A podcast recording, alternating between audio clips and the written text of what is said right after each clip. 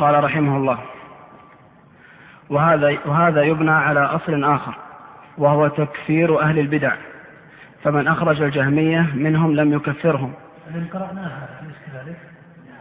نعم طيب. وأما السلف؟ طيب تمام. وأما السلف من وأما السلف والأئمة فلم يتنازعوا في عدم تكفير المرجئة والشيعة المفضلة ونحو ذلك. نعم الحمد لله رب العالمين.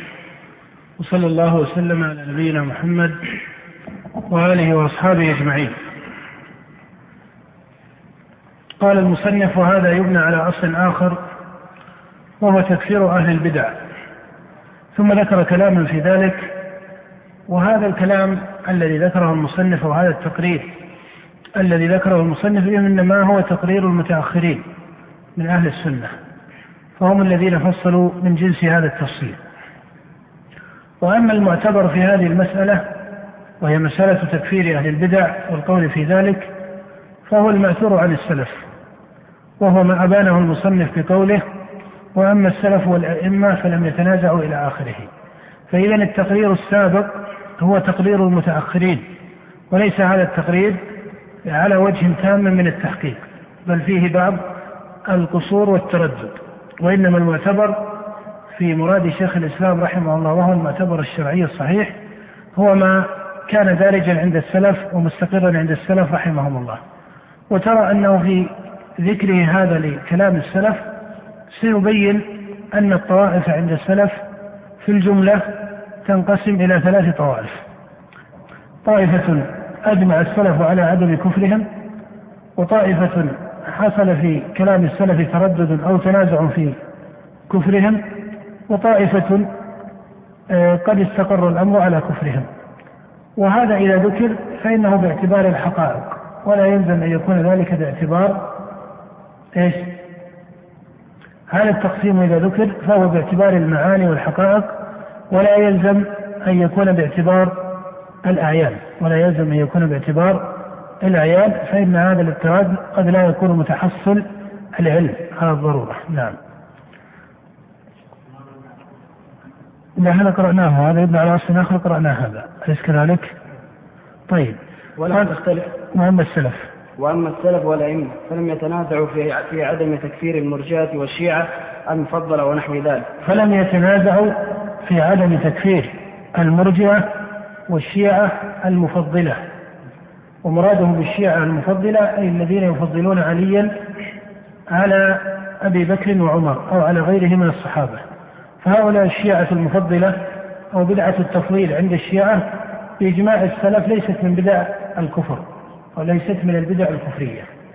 وكذلك قوله المرجئة فإن مراده بالمرجئة هنا من أخرج الأعمال عن مسمى الإيمان أو جعل الإيمان أو جعل الأعمال إما الظاهرة وإما الظاهرة والباطنة لا تدخل في مسمى الإيمان. وهذا الذي عليه عامة المرجئة. فهذا أيضا لم يتنازع السلف في في تكفير المرجئة من هؤلاء. فإذا قيل إن جهل بن صفوان من المرجئة وفي تكفيره كلام معروف للسلف وفي تكفير الجهمية قيل جهم بن صفوان ومن معه معتبر القول في تكفيرهم بجملة أصول. يعتبر القول في تكفيرهم بجملة أصول أعظمها وأجلها قولهم في باب الأسماء والصفات. فهذا أشد أغلاطهم وضلالاتهم. هذه جهة الجهة الثانية أن قول جهم بن صفوان حتى في مسألة الإيمان قد نص غير واحد من السلف على أنه كفر. إذا ما التزم جهم ظاهر ما قال أو ما ظهر من مقالته. فإنه يقول إن الإيمان هو إيش؟ إن الإيمان هو المعرفة. فمن التزم أن الإيمان هو المعرفة بمعنى أنه العلم الإدراكي الذي لا يصاحبه قبول وجعل هذا هو الإيمان الذي أوجبه الله ورسوله فلا شك أن قوله هذا ماذا؟ كفر لأنه يلزم عليه أن يكون اليهود والكفار مؤمنين أو ليسوا مؤمنين إذا ما فسر الإيمان بالعلم أو بالمعرفة التي هي محض الإدراك للمسائل أو للمعاني وإن لم يقع استجابة وإذعان وقبول فهذا لا شك أن هذا القول كفر لأنه يلزم عليه أن اليهود كفر أن اليهود مؤمنون لقول الله تعالى فيهم يعرفونه كما يعرفون أبنائهم ولقوله في فرعون ومن معه وجحدوا بها واستيقنتها أنفسهم. فإذا إنما قرر من قرر من السلف في قول جهم في الإيمان أنه كفر لهذا الاعتبار. لهذا الاعتبار. فإذا ما قصر الإيمان على العلم أو المعرفة الإدراكية المحضة التي ليس معها قبول فهذا القول كفر أو ليس بكفر؟ كفر لأنه قطع لامتياز الإسلام عن غيره من الملل وتسوية بين الإسلام واليهودية وكفر فرعون إلى غير ذلك وهذا لا شك أنه كفر. فإذا قيل هل جاء من يقول بذلك؟ قيل من كفر مقال أو من تكلم من السلف في مقالته على هذا المراد. وأما هل الجهل يقول هو ذلك ولا يقول هذه مسألة سبق أنها مسألة إيش؟ محتملة ومسألة مترددة. نعم. ولم تختلف نصوص أحمد في أنه لا يكفر هؤلاء. ولهذا قال لو لم تختلف نصوص أحمد أنه لا يكفر هؤلاء أو لا يكفر هؤلاء مع أن أحمد جاء عنه رواية أن قول جهم بن صفوان في الإيمان كفر. واضح؟ فهذا ليس تعارضا بين كلام الشيخ وشيخ الإسلام وشيخ الإسلام هو الذي نقل هذا عن الإمام أحمد في مسألة قول جهم فإذا ما كان كذلك فهو على التفسير السابق. نعم. قال وإن كان من أصحاب من حكى في تكفير جميع أهل البدع من هؤلاء وغيرهم خلافا عنه أو في مذهبه. نعم. ولهذا قلت سابقا ويؤكد الآن أنه لا يعتبر تقرير المتأخرين في فهمهم لكلام المتقدمين إلا إذا حكوا الإجماعات. وأما تحصيل مذهب السلف في أي باب من الأبواب وهذا الباب منه وهو باب التكفير. تحصيل مذهب السلف بطريقة الفهم حتى ولو كان المحصل ممن؟ حتى ولو كان محصل من أهل السنة. إذا بنى التقرير أو التحصيل على محض الفهم فإن تحصيله يلزم أو لا يلزم؟ لا يلزم. وأما إذا بنى تحصيله على النقل استفاضة أو إجماعا فإنه يلزم. ولهذا ترى المحققين من المتأخرين. وهذا قد يفرضه فارض أو يعترض به معترض قد يقول قائل يلزم على هذا أن تحصيل شيخ الإسلام ابن تيمية رحمه الله لمذهب السلف لا يعتبر جميعه ما الجواب؟ نقول أمثال شيخ الإسلام من المحققين أصلا هم لا يمكن أن يجزموا بقول ما أنه مذهب للسلف إلا وقد انضبط عندهم إيش؟ النقل فيه. وشيخ الإسلام ممن يقرر هذه القاعدة وهو الذي قررها أن مذهب السلف لا يعتبر بالفهم وإنما يعتبر بالنقل. وعليه فكل ما جزم شيخ الإسلام بأنه مذهب للسلف فهو قد انضبط عنده نقلا إما استضافة استفاضة وإما إما استفاضة وإما إجماعا. وإنما التعليق الذي يشار به لا إلى أمثال شيخ الإسلام من المحققين فإن المحققين من المتأخرين ما يلتزمون ذكر مذهب السلف إلا ما يلتزمون ذكر مذهب السلف إلا في من ضبط نقله أو صح به الإجماع أو الاستفاضة. وإنما ينبه في ذلك إلى بعض أصحاب الأئمة كبعض أصحاب أحمد وغيرهم. ومن مثالات ذلك هذا فإن كثيرا من أصحاب أحمد وغيرهم إذا ذكروا مسألة تكفير أهل البدع قالوا وفيها قولان للأئمة. ولذا ترى بعض الشافعية يقول فيها قولان للشافعي والحنابلة كثير منهم يقولون وفيها روايتان عن الإمام أحمد. حتى إن منهم من يقول عن أحمد روايتان في هذا التكفير وعدم التكفير والحق أن الإطلاق بالتكفير أو الإطلاق بعدمه ليس قولا لواحد ها؟ ليس قولا لواحد من السلف. ليس هناك إمام من أئمة السلف لا أحمد ولا غيره نطق بتكفير أهل البدع على الاضطراب أو نطق بعدم ذلك. بل هذا حكم ممتنع في الشرع وممتنع في العقل. فإن البدع تختلف والطوائف تختلف إلى غير ذلك فمن الممتنع عقلا وشرعا أن يذهب ذاهب إلى أن آه هذا الكفر يطلق إثباتا أو يطلق نفيا. وعليه فجمهور تقرير المتأخرين لهذه المسألة في الغالب إما أن يكون غلطا محضا وإما أن يكون دخله شيء من التقصير.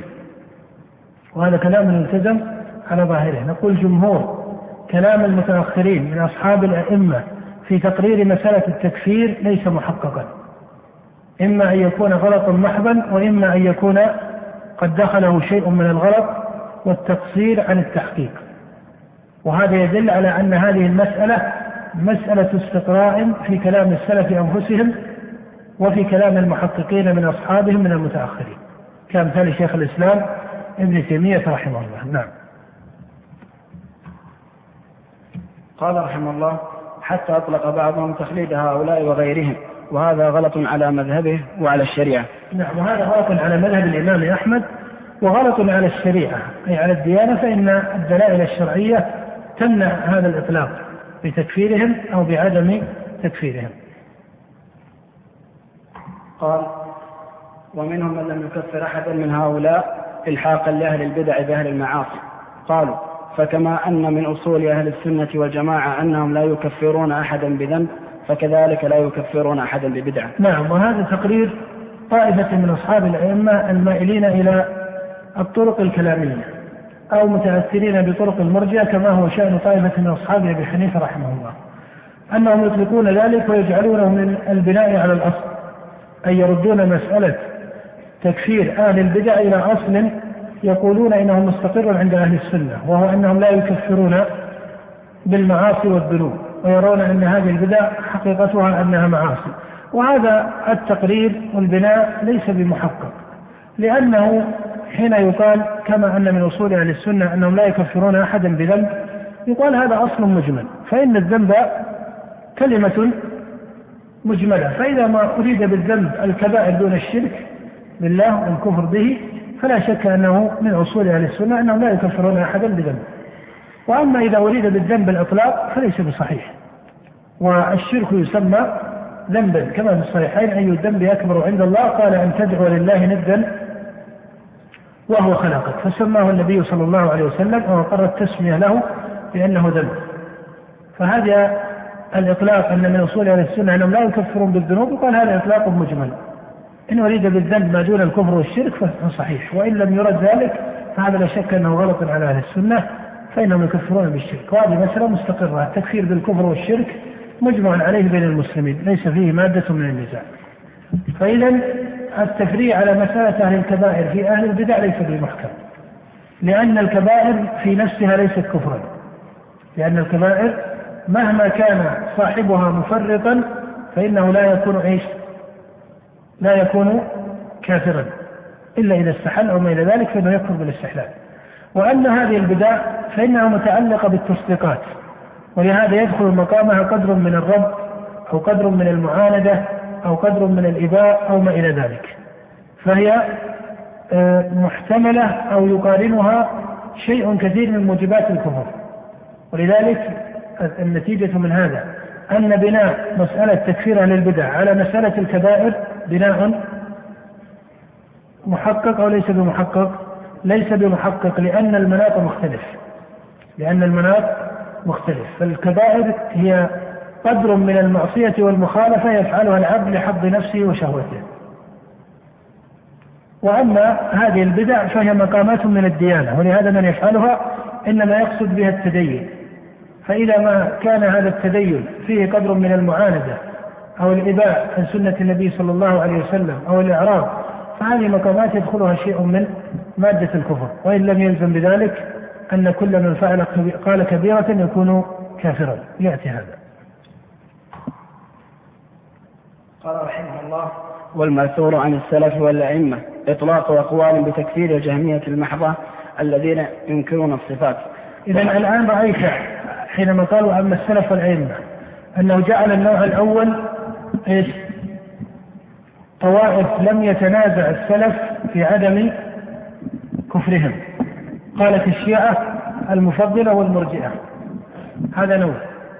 وليس محصورا بهذين الطائفتين أو بهاتين الطائفتين. النوع الثاني وهي طوائف أطبق السلف على ذكر كفرهم كالجهمية المحضة. ما مراده بالجهمية المحضة؟ هو كما سبق في كلام ابن المبارك الغلاة. وليس من كان في كلامه مادة من التجهم. فإن السلف تارة يريدون بالجهمية من في كلامه مادة من التجهم أي مادة من تعطيل الصفات. هؤلاء ما نطق السلف بتكفيرهم على الإطلاق. إنما الذي أطبق السلف على كفرهم هم الجهمية المحضة الغالية المنكرة لأسماء الرب وصفاته. نعم. وحقيقة قولهم أن الله لا يتكلم ولا يرى. ولا يباين الخلق أن الله لا يتكلم ولا يرى أي لا يرى في الآخرة. لا يتكلم ولا يرى ولا يباين الخلق ولا له علم ولا قدرة ولا سمع ولا بصر ولا حياة. بل القرآن مخلوق وأهل الجنة لا يرون لا يرونه كما لا يراه أهل النار. وأمثال هذه المقالات. نعم أي الذين التزموا التعطيل المحض للصفات الذين التزموا التعطيل المحض للصفات فمن عطل الصفات تعطيلا محضا على جنس تعطيل أو من جنس تعطيله جهم بن صفوان وأمثاله فهؤلاء أطبق السلف على كفرهم. نعم. وأما الخوارج والروافض ففي تكفيرهم نزاع وتردد عن أحمد وغيره. إذا هذا القسم الثالث. إذا القسم الأول طوائف لم يتنازع السلف في إيش؟ في تكفيرهم بل أطبقوا على عدم كفرهم. الثاني طوائف أطبق السلف على تكفيرهم. ذكر مثالا لذلك الجهمية الغالية المحضة وهل له مثال آخر؟ نعم فإن السياق ليس سياق حصر. من مثال ذلك القدرية الغلاة. من هم القدرية الغلاة؟ الذين ينكرون علم الرب بما سيكون من أفعال العباد ويقولون إنه لم يعلمها إلا عند إلا عند وقوعها. فهؤلاء زنادقة كفار وليسوا من الإسلام في شيء ولا ينظر في شبهتهم أو حججهم. وكالشيعة الغلاة الذين أله علي بن أبي طالب. فإن هؤلاء أيضا كفار بالإجماع بإجماع المسلمين أنهم كفار. فمثل هذه الطوائف الغالية لم يتنازع السلف في ثبوت كفرها. ثم ذكر القسم الثالث وهم قوم تنازع أو تردد الأئمة في تكفيرهم. ما الفرق بين التنازع والتردد؟ قال وأما الخوارج والروافض ففي تكفيرهم نزاع وتردد عن أحمد وغيره. ما الفرق بين النزاع والتردد؟ في فرق. النزاع بين اثنين.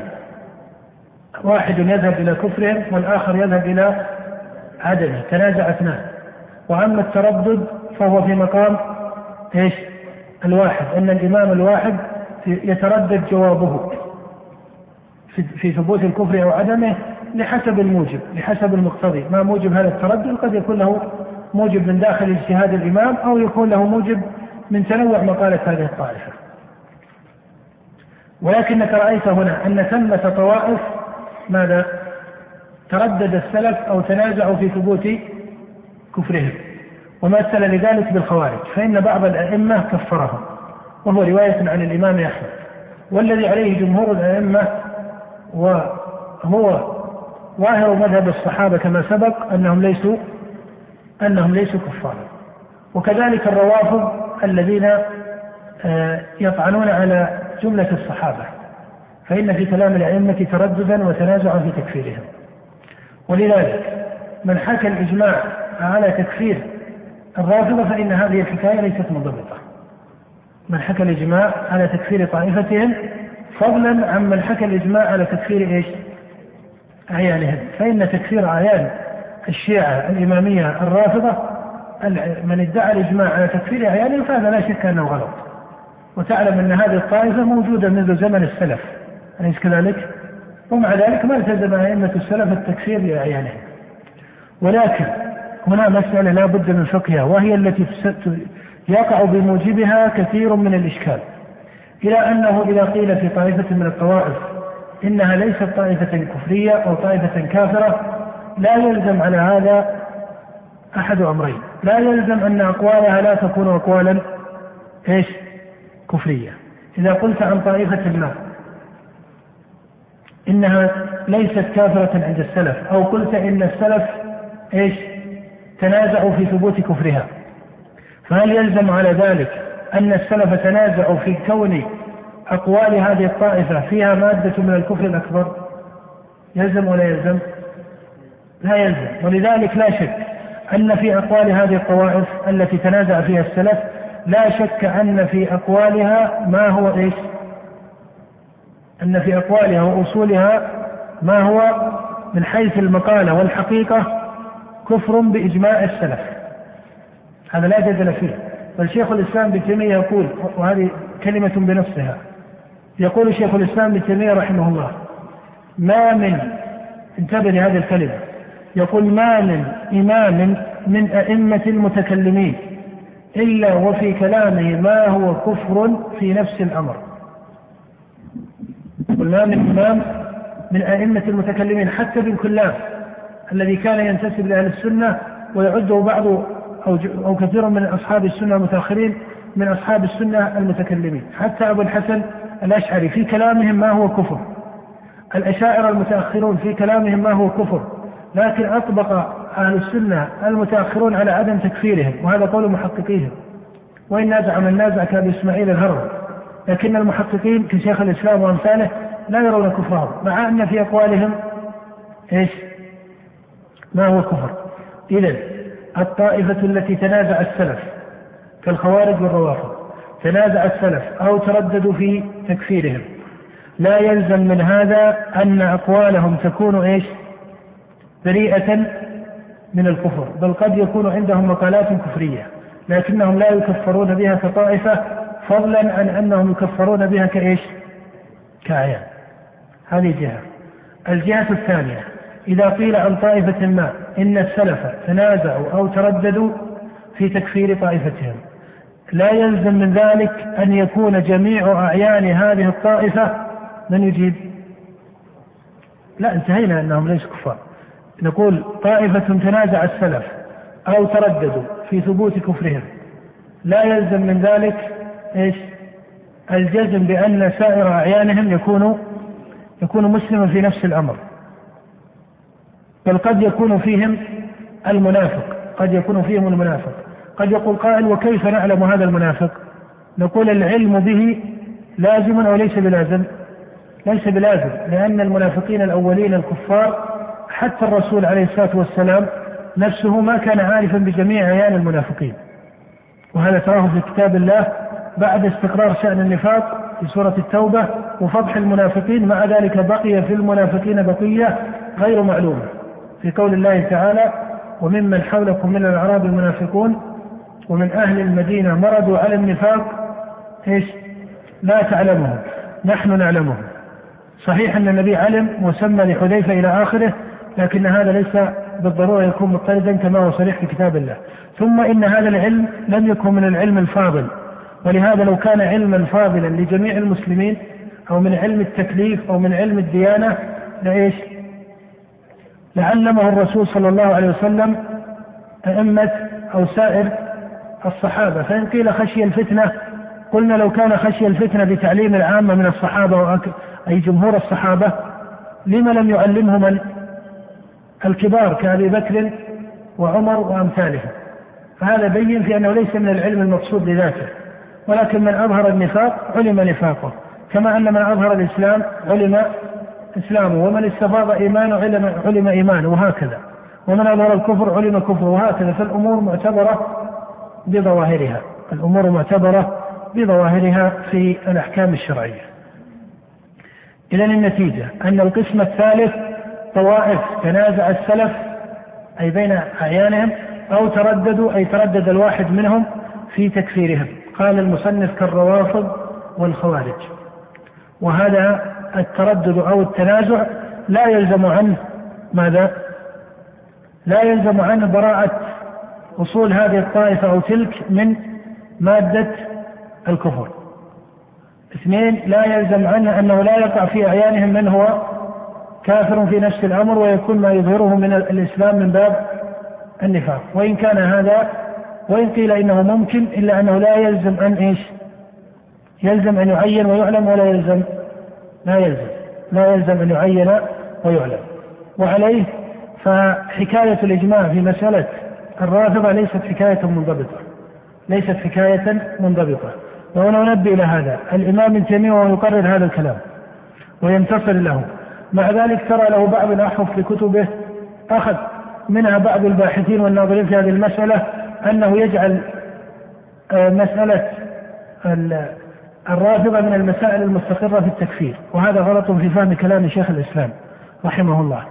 هذا الاسم الذي أطلق على الشيعة الإمامية إما أن يحتمل أنه في أصول عامة كمسألة سب الصحابة رضي الله تعالى عنهم أو الطعن على أبي بكر وعمر وأمثالهم. هذه مسألة إذا قيل هل هي كفر أو ليست بكفر قيل هنا مقامان. مقام أن هذا القول كفر في نفس الأمر هذا مقام. المقام الثاني مقام التكفير للأعيان. مقام التكفير للأعيان ينضبط بحسب مرادات المتكلم بهذه البدعة. فمن سب أبا بكر من جهة أنه جحد أموال آل البيت وأنه غصب أموال آل البيت وأنه لم يعطهم الخمس كما أوجب لهم في كتاب الله. من يسب على هذا الاعتبار فيكون موجب طعنه على أبي بكر رضي الله تعالى عنه وبرأه الله من ذلك يكون موجب الطعن عليه من هذا الوجه. هل هذا الطعن بدعة أو ليس بدعة؟ بدعة حرام حرام. منكر منكر. لكن هل هذا الطعن يكفر صاحبه ويخرج من المنهج؟ نقول بلى من باب الغيرة لأبي بكر نقول غلط. لأن عليا والعباس تنازع عند أبي بكر كما في الصحيح. وقال علي للعباس أو قال العباس لعلي عند عمر رضي الله عنه اقضي بيني وبين هذا الكاذب الآثم الغادر الخائن. وقال عمر رضي الله عنه إنكما زعمتما أن أبا بكر كان كاذبا آثما غادرا. والله يعلم أنه بريء من ذلك. فاطمة رضي الله عنها لم تكلم أبا بكر حتى توفيت. وعلي بن أبي طالب تخلف عن البيعة ستة أشهر من بسبب قضية الخلافة وقضية إيش؟ ماذا؟ أموال آل البيت. فاطمة ما عندها قضية في الخلافة. فاطمة بنت رسول الله عليه الصلاة والسلام كانت متمسكة بمسألة مال أبيها عليه الصلاة والسلام وأرسلت إلى أبي بكر تسأله الميراث من أبيها. وقال أبو بكر إن, إن النبي قال نحن معاشر الأنبياء لا نورث لكن فاطمة اقتنعت بهذا. فإذا من تكلم في شأن أبي بكر من الشيعة وإذا قيل له ما وجه كلامه في أبي بكر قال لأنه لم يعطي على البيت حقهم وأنه ظلمهم.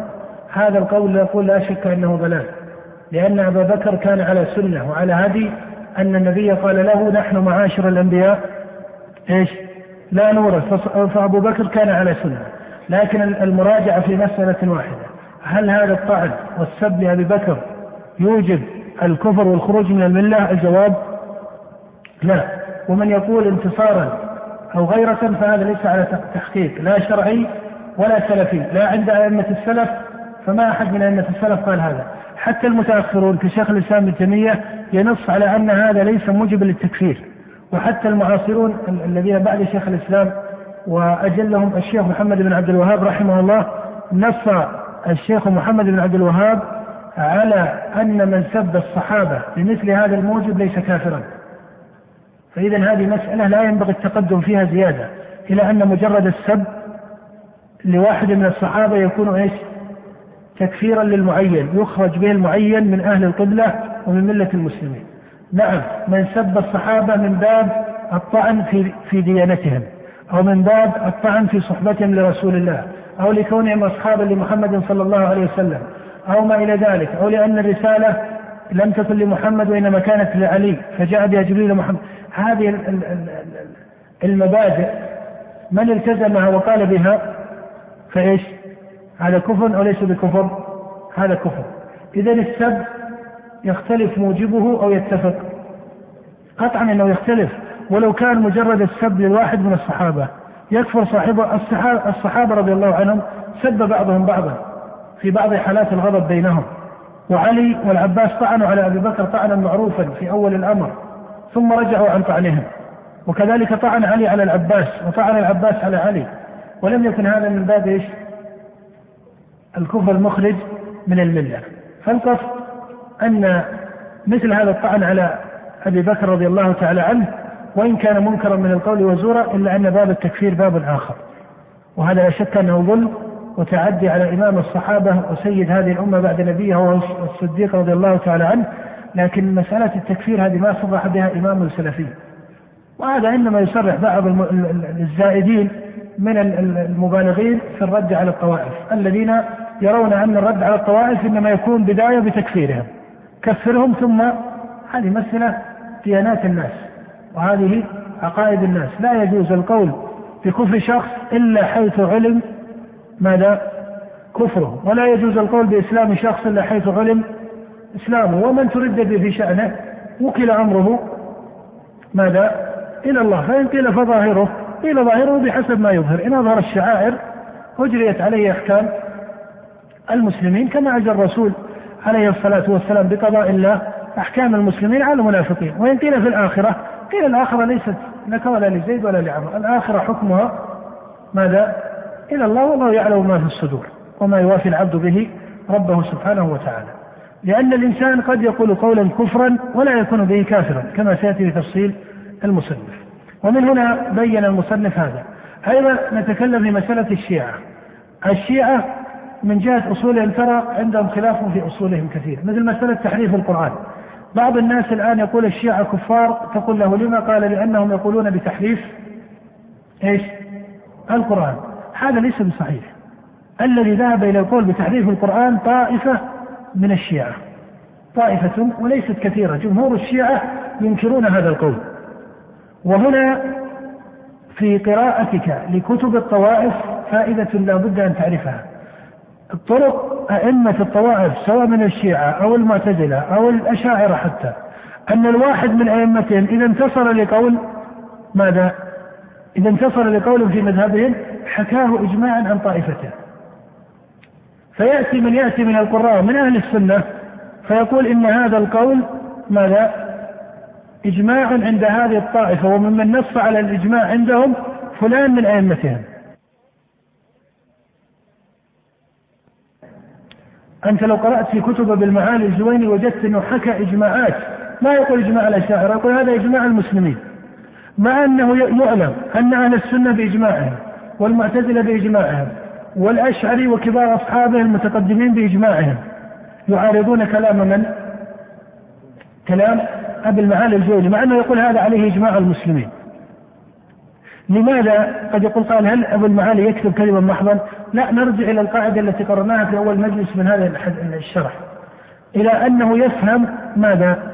أن المعنى الذي وصل إليه مبني على إيش؟ يرى أن المعنى الذي وصل إليه هو مبني على أصول إسلامية مسلمة عند جميع المسلمين.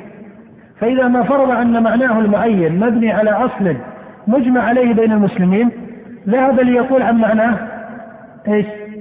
إن هذا إجماع المسلمين وهذا هو التحصيل بالفهم الذي عابه شيخ الإسلام رحمه الله أو من مثالات التحصيل بالفهم فإذا النتيجة من هذا أنك إذا قرأت في كتاب طائفة من الطوائف كالشيعة أو المعتزلة عن إمام من ائمتهم قال وأجمع أصحابنا وذهب أصحابنا إلى كذا فنقول إيش؟ هل نقول لا بد أن يكون عندهم مخالف؟ لا قد يكون فعلا اجماعا إيش؟ محققا عندهم. لكن المقصود ذكره هنا أن حكاية الإجماع من واحد لا يلزم أن تكون إيش؟ إجماعا. وأنت ترى حتى علماء السنة المتأخرين بعضهم يحكي إجماعا ويكون الإجماع على إيش؟ خلافة أو تكون المسألة مسألة خلافية. فإذا نعم بعض علماء الشيعة يقول أجمع أصحابنا على القول بسقط في القرآن وتحريف فيه. هذا ليس إجماعا صحيحا. لما؟ لأن كتب القوم الأخرى وكبار من أئمتهم نصوا على البراءة من ذلك. فإذا هذه الأمور ليست دائما تعتبر يعني مسألة الحكم على الطوائف لابد أن يعتبر بطرق معتدلة طرق مبنية على الحقائق الشرعية. تعجب أحيانا بعض الباحثين يقول مثلا وهو باحث كبير يقول مثلا إن إذا اختلفت الشيعة كمسألة تحريف القرآن منهم من يقول بالتحريف ومنهم من يقول بعدم التحريف. قال القول الذي ينسب إليهم كطائفة هو القول بالتحريف. لما؟ قال لأن من أئمتهم من يقول إذا اختلف أصحابنا فالحق من أقوالهم ما خالف الجمهور ويقصدون بالجمهور أهل السنة ويقصدون بالجمهور. هذه أيضا مبدأ لبعض أئمتهم. ليس بالضرورة أنه يكون مبدأ مضطردا. إذا هذه الطوائف في في تقرير مذاهبها تعقيد وإشكال كثير. ولذلك نعم من التزم القول بتحريف كتاب الله وأن هذا القرآن ليس كتابا محكما بل دخله تحريف من جنس ما دخل التوراة والإنجيل فلا شك أن القائل بذلك إيش؟ كافر ولا يحتاج إلى مجادلة. من يقول ذلك مباشرة يكفر ولا يحتاج إلى مجادلة لأنه كفر بما هو معلوم من الدين بإيش؟ بالضرورة وإذا إذا شك في القرآن ما بقي دين لأن الإسلام إنما عرف من القرآن وحتى رسالة النبي عليه الصلاة والسلام إنما عرفت من من القرآن ومن الوحي ومن البعثة والرسالة. فالقصد أن مثل هذا من قال به لا شك أنه يكفر. لكن الجدل هل جميع الطائفة تقول بذلك؟ مسألة الإطلاقات هذه مسألة لابد من ضبطها. لأنه أحيانا قد تكون الطائفة تشترك في معنى ولكنه معنى متفاضل بعضه أشد غلوا من بعض كاسم الإرجاء فإنه مشترك بين طوائف بعضه أشد كالتجهم بعضه أشد من بعض. أنت تقول على قاعدة السلف إن كلام الأشعري تجهم وكلام جابر بن صفوان تجاهم وكلام المعتزلة تجاهم وكلام ابن سينا تجاهم وكلام برشد تجاهم لكن هذه درجة واحدة؟ الجواب كلا. فإذا ما رأيت كلمة الإمام من أئمة السلف تكفير الجهمية فلا يعني أن كل من في كلامه مادة جهمية يكون عنده يكون عنده كافرا وأنت ترى الإمام أحمد تواتر عنه تكفير الجهمية والقول بأن من قال القرآن مخلوق كفر ومع ذلك المعتصم العباسي المعتصم الخليفة العباسي كان يقول بإيش؟ كان يقول بخلق القرآن وكما يقول ابن تيمية رحمه الله يقول مع ذلك فالإمام أحمد وإن تواتر عنه تكفير الجهمية إلا أنه لم يكن مشتغلا بتكفير أعيانا فضلا عمن دخل عليه شيء من مقالاتهم قال فإن المعتصم العباسي كان يقول بخلق القرآن وانتصر له بالسيف ومنع القول بغيره ومع هذا كله فإن الإمام أحمد كان يذهب إلى إسلامه وديانته ودعا له واستغفر له وصلى خلفه. ومن حماقات استعفي عن هذه الكلمة بعض المعلقين من المتأخرين اللي يريد أن يغالط المسألة يقول لا مسألة أن الإمام أحمد صلى خلف المعتصم لأنه خليفة. والسلف كانوا يتورعون من ترك الصلاة خلف الخلفاء. يعني هل يعقل أن الإمام أحمد يرى أن الرجل مرتد وأنه خرج من الملة ويذهب يصلي خلفه؟ من باب أنه خليفة هذا مستحيل. الإمام أحمد عنه رواية أن الصلاة خلف الفاسق لا تصح؟ فما بالك بإيش؟ بل قطعا بكونه صلى خلف الرجل ودعا له واستغفر له فهو يرى أن الرجل إيش؟ مسلم. حتى مسألة قيام الحجة المعتصم أليس سمع المناظرة غير مرة؟ المناظرة كانت بين يديه أليس كذلك سمع المناظرة بين الإمام أحمد وابن أبي دعاد وغير ابن أبي دعاد وسمع انقطاع ابن أبي دعاد وغيره بين يدي الإمام أحمد وسقوط حجتهم ومع ذلك هل اعتبر الإمام أحمد أن المعتصم قامت عليه الحجة؟ الجواب لا. طيب الإمام أحمد لما قال القول بخلق القرآن كفر كان يقصد هذه الكلمة أو كان من باب التهديد والتخويف أيهما؟ كان يقصد هذه الكلمة. ولا شك أن من قال إن هذا القرآن أن هذا القرآن مخلوق من جنس كلمة المشركين ومرادات المشركين الذين قالوا إن هذا إلا قول البشر هذا لا شك أنه كافر. ولكن الكلمة قد تكون كفرا في نفس الأمر وقائلها ليس بكافر. وإذا قيل ليس بكافر هل يلزم أن يكون ليس بكافر ظاهرا وباطنا؟ هذه مسألة ترى مهمة. إذا قيل عن شخص من هؤلاء الذين قالوا أقوالا كفرية إنه ليس بكافر. هل يلزم أنه ليس بكافر ظاهرا وباطنا؟ أم ظاهرا؟ ظاهرا وقد يكون في حكم الله. إيش؟ كافر منافقا. فإذا هذه المسائل تفقى على هذا الوجه ويأتي إن شاء الله مزيد من التفصيل. نعم. مثل مسألة عصمة الأئمة عند الشيعة. عامة الشيعة يقولون أو الشيعة الإمامية تقول بعصمة الأئمة. كلمة العصمة هذه أحيانا بعضهم يغلو في مقدارها إلى درجة لا تقع إلا من كافر. كما يقول بأن الأئمة معصومون وأن أمر الكون وتدبير الكون بيدهم وما الأنبياء والمرسلون إلا فيض من علومهم إلى غير ذلك من التقارير. هذا لا شك أنه تقرير إيش؟ كفري لأنه منازعة في الربوبية وملكوت الله سبحانه وتعالى. من يقول بعصمتهم فيقول إنهم لا يتواردون على الخطأ إن الله فضلهم إلى آخره. هذا مقام قد تتضمن الكلمة كفرا في نفس الأمر ولكنه معنى يقع فيه قدر من التأويل ويقع فيه قدر من إيش؟ الاشتباه، نعم. قال وأما القدرية الذين ينفون الكتابة والعلم فكفروهم ولم يكفروا من أثبت العلم فكفروهم وهؤلاء زنادقة الذين يقولون إن الله لا يعلم أفعال العباد إلا بعد وقوعها أو عند وقوعها ولا يعلمها أو لا يعلمها قبل وقوعها. هذا لا شك أنهم كفار. وهذا إنكار لربوبية الله سبحانه وتعالى وهذا أصلا ليس من أقوال المسلمين بل من أقوال الغلاة من الفلاسفه الملاحدة ودخل على بعض الطوائف من المسلمين نعم ولم يكفروا من أثبت العلم ولم يثبت خلق الأفعال. وهم جمهور القدرية من المعتزلة وغيرهم. الذين قالوا إن الله لم يخلق أفعال العباد ولم يردها ولم يشاءها لكنه علمها قبل كونها فالذين نفوا الخلق لأفعال العباد ونفوا مشيئة الرب لها وقالوا لم يردها والعبد مستقل بالإرادة هذا قول من أقوال أهل البدع المجمع على ضلاله وبغيه ولكن أصحابه ليسوا كفارا عند السلف حتى إن شيخ الإسلام في موضع آخر قال وهذا النوع من القدرية يقول وهذا النوع من القدرية ما علمت أحدا من السلف نطق بتكفيرهم وإن كان من السلف من قال إن مقالتهم إيش؟ إن مقالتهم كفر فهذا مقام آخر. إذا المسألة السابقة عرفت أنه إذا قيل هل السلف يكفرون أهل البدع؟ فما الجواب؟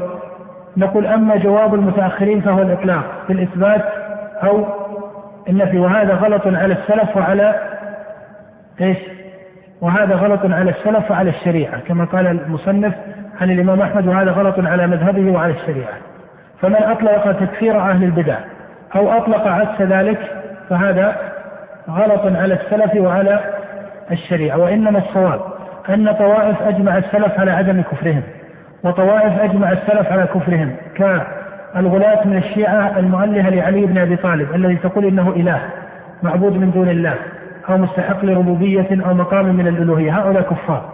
القدرية الغلاة المنكرة للعلم السابق كفار. الجهمية المنكرة لكمال الرب سبحانه وتعالى جملة وتفصيلا ظاهرا وباطن هؤلاء كفار الطوائف أجمع السلف على عدم كفرهم. طوائف وهم كثير. تردد السلف أو تنازعوا في تكفيرهم. وهؤلاء المتنازع فيهم قد تكون جملة من أقوالهم أقوالا إيش؟ كفرية. وقد يكون في وسطهم من هو منافق وهو في نفس الأمر في حكم الله إيش؟ وهو في حكم الله كافر وإن لم نعلم ذلك. هذا هو القاعدة المنضبطة الصحيحة. ثم بعد ذلك أصول. نعم.